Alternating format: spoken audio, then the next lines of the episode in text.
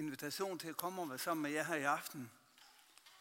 Jeg har egentlig lyst til at lige lægge ud med at fortælle nogle små glimt fra, fra liv mellem forældre og børn. Fordi at der er mange gode billeder at hente der, når det gælder vores forhold til Gud og til vor Herre Jesus Kristus. Der var i kirke her i, lige før sommerferien, så spurgte præsten i Ans kirke, om der var nogle mænd herinde, der var bange for deres koner, som ikke gerne række hånden op, sagde han. Og da han så hænderne, så sagde han, åh, det var han da, endda glad for. Jeg troede, jeg var den eneste, sagde han. Hvordan kan det være, at man faktisk kan elske nogen og alligevel være bange for dem? Jeg tror altså, hvis man elsker meget, kender man måske også, at frygten kan være stor for at komme til at gøre imod, ødelægge det. Et af mine børnebørn var på ferie alene, og vi kørte hyggetur. Vi skulle ud og se på krondyr ude i Frisenborgskoven, og vi snakkede så fortroligt og godt sammen. Pludselig så siger han, bedstefar, kender du godt, at man kan få ondt i maven, hvis man har lavet noget skidt, sagde han. Jo, det gjorde jeg godt. Og øh, så sagde jeg, kender du også det? Ja, det gjorde han. Så sagde jeg, hvor længe har du så ondt i maven? Er nogen af jer, der kan gætte, hvad han sagde?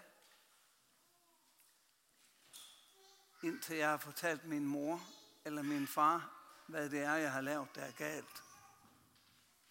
Et af mine egne børn, da vi boede på Bornholm, var kommet grueligt galt af sted, og jeg var på møderejse over i Jylland en lille uges tid, hvor han kom til at ødelægge noget derhjemme, og øh, han spurgte forsigtigt mor, hvad hun troede far ville sige, når han kom hjem.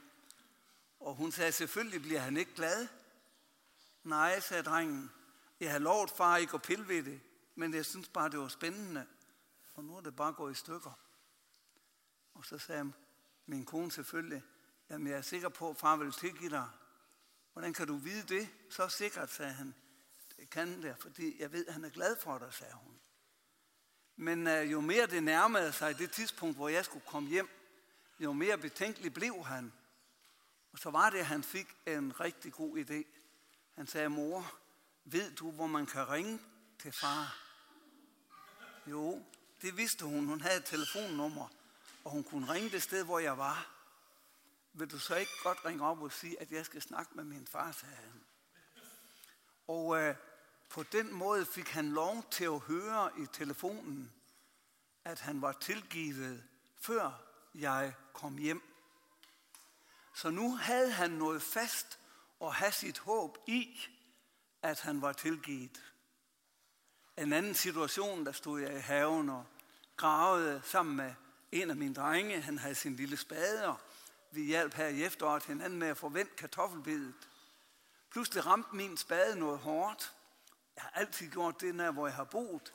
At så har jeg samlet sten og ukrudt og så videre væk, grene og pinde, sådan at jorden blev renset for det. Og jeg troede, det var en sten, men så opdagede jeg, at det var min stemmejern. Den havde været ny for et halvt år siden, men nu har den ligget ude i kartoffelbedet i regnvejr i en del tid, og jorden, det har den ikke haft godt af. Ærgerligt bankede jeg den af på spaden, så kaldte jeg på min dreng, gemte stemmejernen på ryggen, og så tog han lige ind i synet på ham og sagde, har du smidt den her? Han så på den et øjeblik, så kiggede han på gummistøvlerne, og så sagde han, far, det kan jeg ikke sige, fordi du har, du har sådan en hård stemme, sagde han. Så bøjede jeg mig ned og løftede hans ansigt op, og så sagde jeg med sådan en meget fin stemme, har du smidt den her? Han så bare på mig et øjeblik, så sagde han, jeg kan stadigvæk ikke sige det, for du har farlige øjne nu, far. Det ramte mig så hårdt, at jeg havde en dejlig dreng på fem år, der ikke ønskede at lyve og sige nej. Han ønskede at sige sandheden, men min vrede skræmte ham. I aften vil jeg prøve, om jeg kan dele med jer, at Gud aldrig har haft en hård stemme eller farlige øjne, når jeg er kommet til ham med fald og nederlag. Han har inviteret mig til at komme, som jeg er. Og han siger det til mig, kald på mig på nødens dag, og jeg vil hjælpe dig. Og i aften vil jeg gøre det, at selvom jeg den 3. juni i 1975 talt over den her tekst heroppe i Viborg, så gætter jeg på, at der er ikke ret mange, der er herinde, som var den aften. Er der det? Juni 75, var du Orla? Det kan godt være, ja. Jeg glemmer ikke den dag. Det har sin egen historie. Men der læste jeg fra Lukas evangelium kapitel 18, vers 35, om en mand, som var blevet blind. Han hed Bartimaeus. Og dengang var det sådan, at når man blev handicappet, mistede et ben, eller synet, eller mistede førligheden og ikke kunne arbejde længere, så blev man ikke sådan, at man fik hjælp fra kommunen, eller staten, eller amtet, eller regionen, eller nogen som helst steder. Man blev sat af på gaden, ved templet, ved en befærdet vej, og så stod man og sad man der, og hver gang der kom nogen forbi, så råbte man om hjælp. Man råbte, Bakti, Bakti, forbarm jer over mig. Nu skal vi læse om den her blinde mand, som sad der i vejsiden ved Jericho. Jesus var på vej forbi for sidste gang i sit liv. Da han nærmede sig, sad der en blind mand ved vejen og tikkede. Han hørte, at en helt skare kom forbi, og så spurgte han, hvad der var på færde. De fortalte ham, det er Jesus fra Nazareth, der kommer forbi. Så råbte han og sagde, du Davids søn, forbarm dig over mig. Dem, der gik foran, truede ad ham for at få ham til at tige stille. Men han råbte bare endnu højere. Davids søn, forbarm dig over mig. Så stod Jesus stille og befalede, at manden skulle føres hen til ham. Da han var kommet derhen, spurgte Jesus ham, hvad vil du have, at jeg skal gøre for dig? Han svarede, Herre, at jeg må kunne se. Jesus sagde til ham, bliv seende, din tro har frelst dig. Og straks fik han sit syn igen, og øh, så sker det det, at han fulgte efter Jesus og priste Gud, og hele folket gav sig til at lovprise Gud, da de så det. Det var teksten, vi skal være sammen om i aften. Jeg tror, at rigtig mange af os voksne har oplevet situationer, hvor vi syntes, det var mørkt i vores liv. Men vi har måske aldrig oplevet, at det har været så mørkt, at det var fuldstændig sort. Det blev det for den blinde mand. Han kunne ikke se nogen ting, og han måtte stoppe med sit arbejde. Han blev af sin familie sat ud på vejen, og der sad han dag og nat. Han kun fik den hjælp, som mennesker gav ham, når nogen forbarmede sig over ham og gav ham lidt mad, nogle gange måske nogle penge eller noget.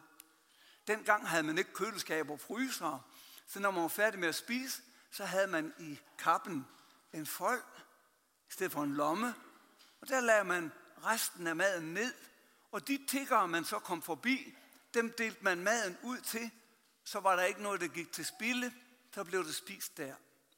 Og øh, her sad denne blinde mand og levede af at tikke. Jeg ved ikke, hvor mange af jer, der kan lide at sælge lodsedler. Jeg har gjort det masser af gange. Jeg har også kørt rundt og samlet årskæve ind masser af gange og andre ting.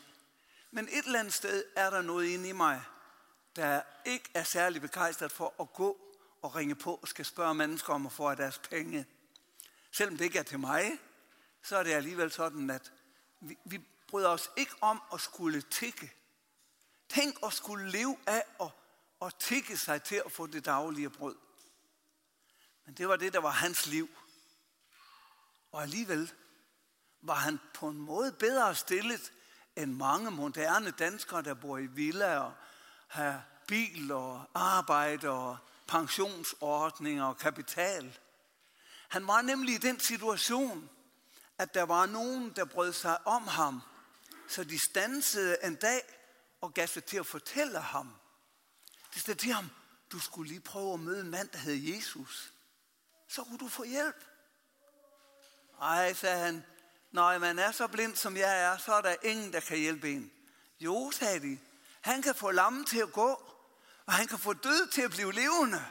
Du skulle have set det. Nå nej, det kan du ikke, men det skulle du alligevel have set. Sidste dag over ved Nejen, da vi kom og var på vej ind i byen, der kom de bærende med en, der var død. Og så kom ham der Jesus og stansede det hele. Og vi tænkte, hvad biler han sig ind? Kan ikke være bekendt. De er på vej ud og skal have begravelse. Og så stanser han dem. Men så sagde han til den døde mand, rejs dig op.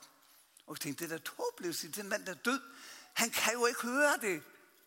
Men du skulle have set det. Han gjorde det. Og han gav ham til hans mor. Og i stedet for at gå og synge sørgesange, så gav de det til at synge lovsange. De takkede og priste Gud og jublede. Ham skulle du altså møde. Han hedder Jesus. Og så gik de.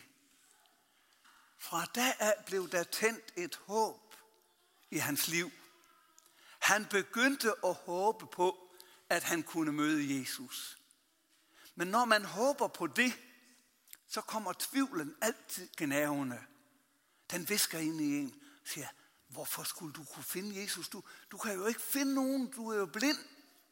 Og hvordan skulle du bilde dig selv ind, at Jesus skulle komme her, hvor du sidder? Det har han jo aldrig været. Du har siddet der nu i overvis.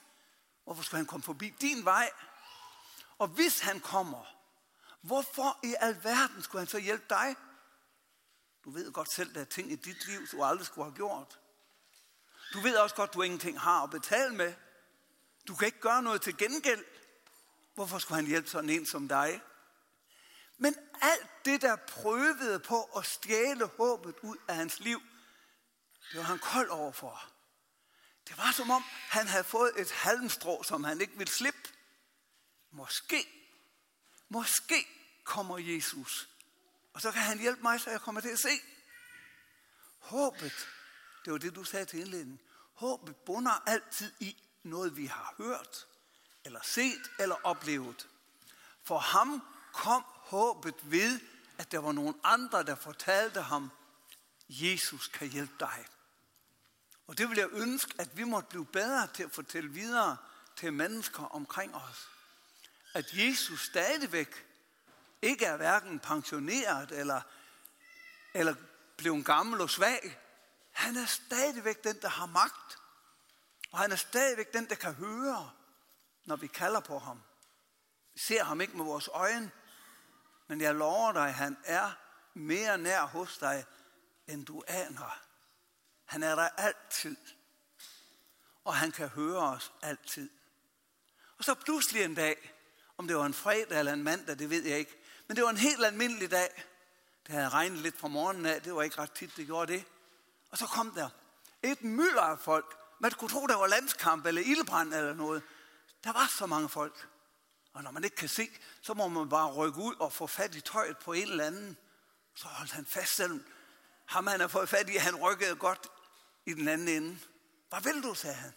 Jeg vil have at vide, hvad der sker, sagde han. Nå, sagde han, det er Jesus, der kommer. Og så skulle vi have video på, så vi kunne vise det op på skærmen her. Hvordan han sprang op og gav sig til at råbe. Du Davids søn, forbarm dig over mig. Det var der nogen, der var sure over. Han skulle da ikke der sidde og råbe op på den måde, som om der ikke var vigtige ting i livet end ham og hans blindhed. De var på vej. Der står, at der var nogen, der gik foran Jesus, der prøvede at lukke munden på ham.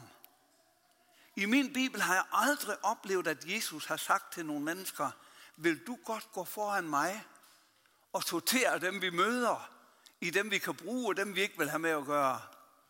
Det har Jesus aldrig sagt. Når han kaldte på mennesker, så sagde han altid, følg mig, følg mig. Og skal man følge en, så skal man gå bagefter. Men her var nogen, der var ivrige, de er travlt. Der skulle ske noget. De var foran, og de prøvede at få ham til at tige stille.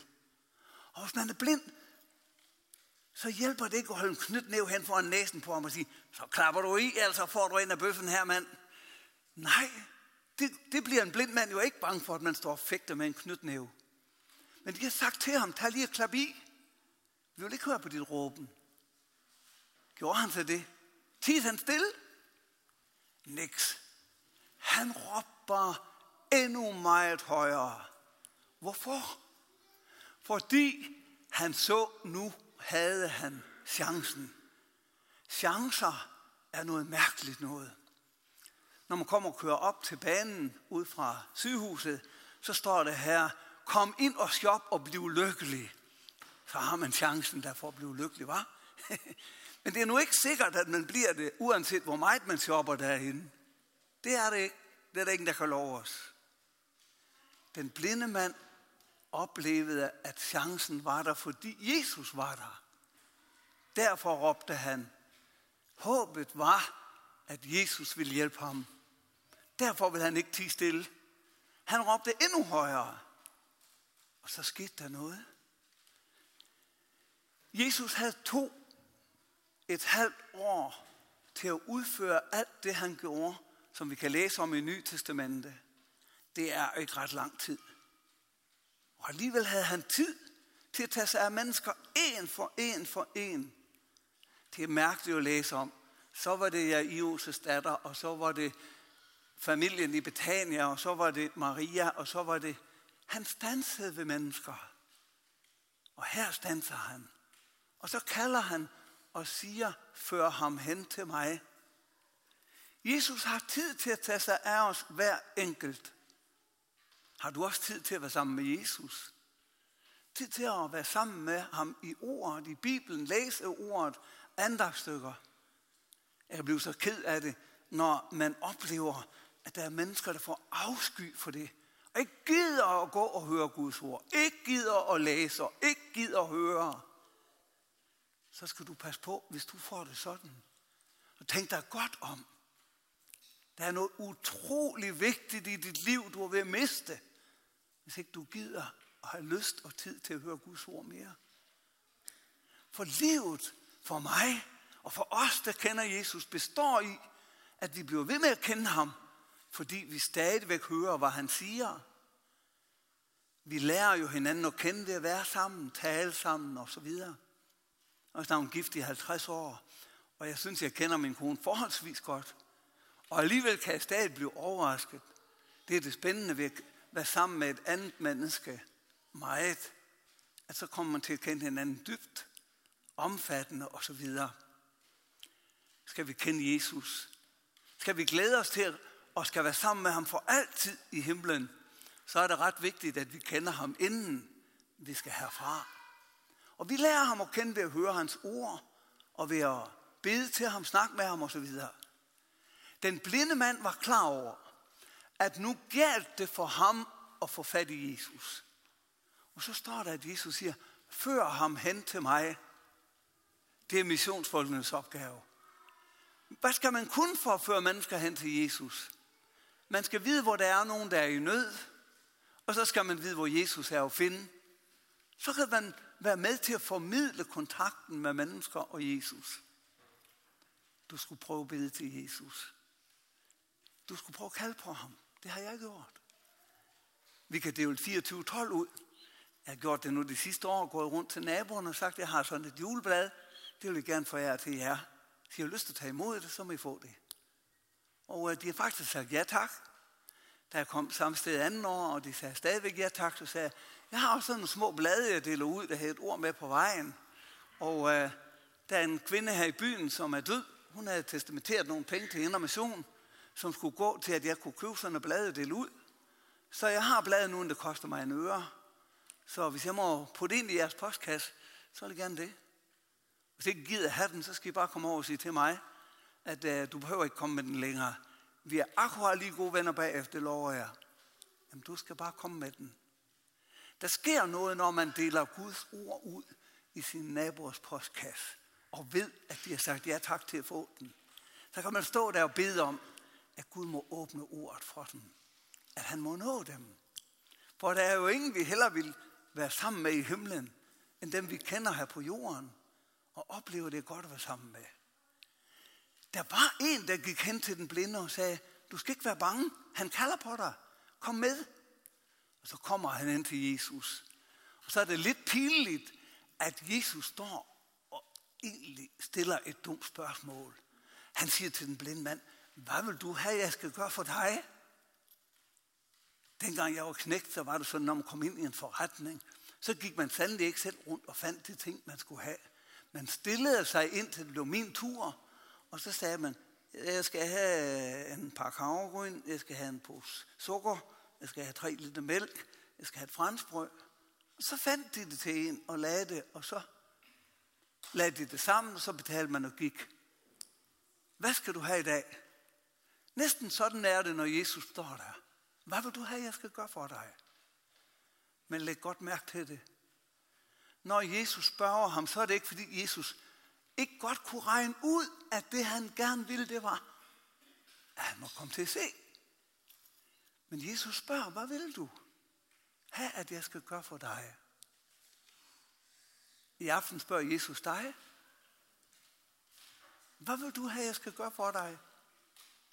Og jeg vil gerne sige til hver eneste af jer i aften, at her begynder troslivet for alvor for den enkelte af os. Mange af os har begyndt vores kristendom med, at der var noget, vi ikke måtte. Der var en masse, vi skulle. Er det ikke rigtigt? Men der, der det slår ikke til. Det ender galt, hvis det er vores kristendom. Det er det, vi ikke må, og det er det, vi skal. Martha, da Jesus kom i hendes hjem, så havde hun travlt og ville varte ham op og gøre det godt for ham. Men det var det ikke så længe, så blev hun træt af det. Og så blev hun sur og knaller med træskoene i gulvet og skralder med bøtterne og det hele. Men Jesus og Maria, de sad alligevel bare og snakkede ved siden af. Så går hun hen og siger, hvad er den her af? Bryder du dig overhovedet ikke om, at min søster bare sidder der og driver den af? Hvorfor siger du ikke til hende, hun skal se at komme i gang og hjælpe mig? Det er mærkeligt. Martha gjorde det, hun selv valgte. Der var ingen, der befalede hende at gøre det. Og Maria gjorde det, hun selv valgte. Maria blev ikke sur på Martha, men Martha blev sur på Maria. Er det ikke mærkeligt? Og Jesus siger, at Maria har valgt den gode del. Den må I ikke tage fra hende. Den gode del, det er, at vi først lytter efter, hvad Jesus gør for os. Ved du, hvad Jesus vil gøre for dig? Prøv at se op over hovedet på mig heroppe. Den sidste aften, Jesus levede, holdt han festmåltid sammen med sine venner. Så tog han sin kappe af. Så tog han et vaskefad. Så kom han rundt og bøjede sig på knæ og så vaskede han deres sorte beskidte tær hele vejen rundt. Han kom også om til Peter, og Peter sagde, aldrig i livet får du lov til at vaske min sorte tær. Og så siger Jesus til ham, Peter, hvis ikke jeg får lov til at tvætte dig, så har du ikke lod og del sammen med mig. Jesus kunne også godt have sagt til Peter, han havde prøvet at sige det tre gange. Peter, vi har kun en lille stykke af livet at følges ad. Så skal jeg forlade dig. De kommer og fanger mig. De slår mig, og de pisker mig. Der tøjet af mig, og de korsfester mig.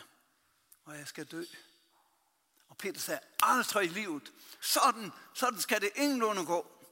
Og han tog sit svær og huggede øret af Malkus og tænkte, nu vil jeg forsvare Jesus lige til at dø over det. Men Jesus sagde til ham, Peter, stik dit svær i skeden. Du skal ikke forsvare mig. Det er min fars vilje, der sker nu. Jeg vil gerne sige til jer alle sammen, så jeg aldrig glemmer det, at det første, Jesus gerne vil sige til dig, det er, at jeg elsker dig så meget, at jeg vil dø i dit sted. Det er din eneste chance for at få lov til at være sammen med mig og min far i evighed. Det kan godt være, at du synes ikke, at der er nogen grund til, at det skulle ske så meget, og at det behøver at koste så dyrt for Jesus at bane vej for dig og for mig ind i himlen. Men det er den pris, synden har synden, som hver eneste af os, der er voksne, ved alt om, at den kan vi ikke undgå. Godt være, at vi kan få øje på nogen, vi tænker, der er værre end os, men vi vil helst ikke snakke højt om, hvem det er, hvis nogen spørger os. Og vi har nok med os selv hver især, når det kommer dertil. Tænk, sådan en kærlighed møder Jesus den blinde tigger med. Og det er det, han ønsker at give ham. Det er derfor, Jesus spørger den blinde, hvad vil du have, jeg skal gøre for dig? Og så kommer det lige ud af hjertet på ham, at jeg må kunne se igen. Han siger ikke, Jesus, jeg har hørt nogen, der snakkede om dig, at du var god til at kunne hjælpe nogen, der var i nød. Og du har hjulpet en, der var lam, og hvis du bare kunne hjælpe mig til at kunne kigge lidt ud af det ene øje, så ville jeg blive rigtig glad. Siger han ikke? Han siger, giv mig mit syn igen. Og Jesus siger, din tro har frelst dig. Din tro har frelst dig. Hvad er tro for noget? Tro, det er tillid, som vi så det op fra Hebræerbrev kapitel 11. Tro er fast tillid til det, vi hører, og det, som er lovet os. At vi tør tro det og tager det til os. Det er mit. I aften vil Gud, vi skal høre, at det er sandt, at hans kærlighed var så stor, at han vil give dig og mig Jesus. Så er mit spørgsmål til dig. Har du taget imod Jesus? Da du blev døbt, der blev du mærket med korsets tegn. At tage imod Jesus betyder helt enkelt, og det kan man gøre lige fra man er fem år, og også endda yngre. Man kan tage imod ham ved at sige, tak Jesus, at du vil bo ved troen i mit hjerte. Da min mindste knægt var med i kirke, sagde han en søndag formiddag, jeg vil også med derop, hvor I får Jesus. Og så snakkede vi lidt frem og tilbage om det, jeg forklarede, at Jesus giver os sig selv gennem brødet og vinen, og så vil han bo ved troen i vores hjerter. Og da vi om aftenen skulle bede aftenbøn, så prøvede jeg at fortælle ham, hvor stort et under det var, at Jesus kunne høre, hvad vi tænkte. Vi behøvede ikke engang at sige ordene højt. Så sagde han fuldstændig uimponeret, det er vel ikke så mærkeligt. Hvis han lige er inde i hjertet, så er det ikke ret langt op til mit hoved, sagde han. Så kan han jo nemt finde ud af det. Ja. Dagen efter, da vi var på vej om i, i lejestuen, fik jeg øje på, at der var grønt lys, og sagde, hvis vi løber, så kan vi nå at komme over, men der er grønt. Jeg skulle om aflevere ham. Hun var på arbejde. Jeg kom om på den anden side, så sagde han, jeg tror virkelig, at Jesus vil ud igen. Han, han banker helt vildt derinde, sagde han. ja. Så det, det havde han virkelig fået fat i. At Jesus vil bo i os og være hos os og følges med os. Det fik den blinde også fat i. For da hans øjne blev åbnet, så var det første, han så. Ved du, hvad det var? Hvad tror du, det første var, han så, da hans øjne blev lukket op? Det var Jesus. Ja. Og så så han ind i et par øjne, der sagde til ham, jeg kan godt lide dig. Det var længe siden, han havde set et andet menneskes øjne. Nu så han ind i Jesu øjne, og han kunne se, at han var elsket. Og da Jesus og hele flokken begyndte at gå, så gik den blinde med. Og vi kan læse om ham flere steder, at han blev en af de vigtigste kristne i den første kirke, kirken i Jerusalem. Bartimaeus blev hos Jesus. Fordi han har oplevet, at når man følges med Jesus, har man hjælpen lige ved hånden. Hvor meget tro skal der til for at få hjælp hos Jesus? Der skal så meget tro, at du beder, at du kalder, at du kommer. Det at komme er egentlig et udtryk for tro. Den blinde kunne ikke selv finde vejen, men Jesus fandt ham. Lad os være med til at bede for mennesker, vi holder af, at de må møde Jesus og lære ham at kende. Så de får del i det håb, at når vores liv skal slutte her på jorden, så har vi evigt liv sammen med ham i herlighed hjemme ved vores far i himlen. Amen. Lad os bede sammen. Jesus Kristus, tak at du ikke synligt går omkring her, men du er her alligevel, så vi kan lære dig at kende, både gennem ordet og sangene, og at andre fortæller, hvad de har mødt og lært om dig. Vil du velsigne vores fællesskab, velsigne Viborg by, velsigne konfirmanderne, der går i, til konfirmandforberedelse denne vinter. Jesus, åbn deres ører og sind og hjerter for dig. Bed også for vores fællesskab, for børnearbejde og børneklubber, for de unge. Vil du være nær hos hver enkelt af dem. Tak for det, vi fik lov at høre i aften. Tak, at du vil følges med sådan nogen som os. Amen. Vi skal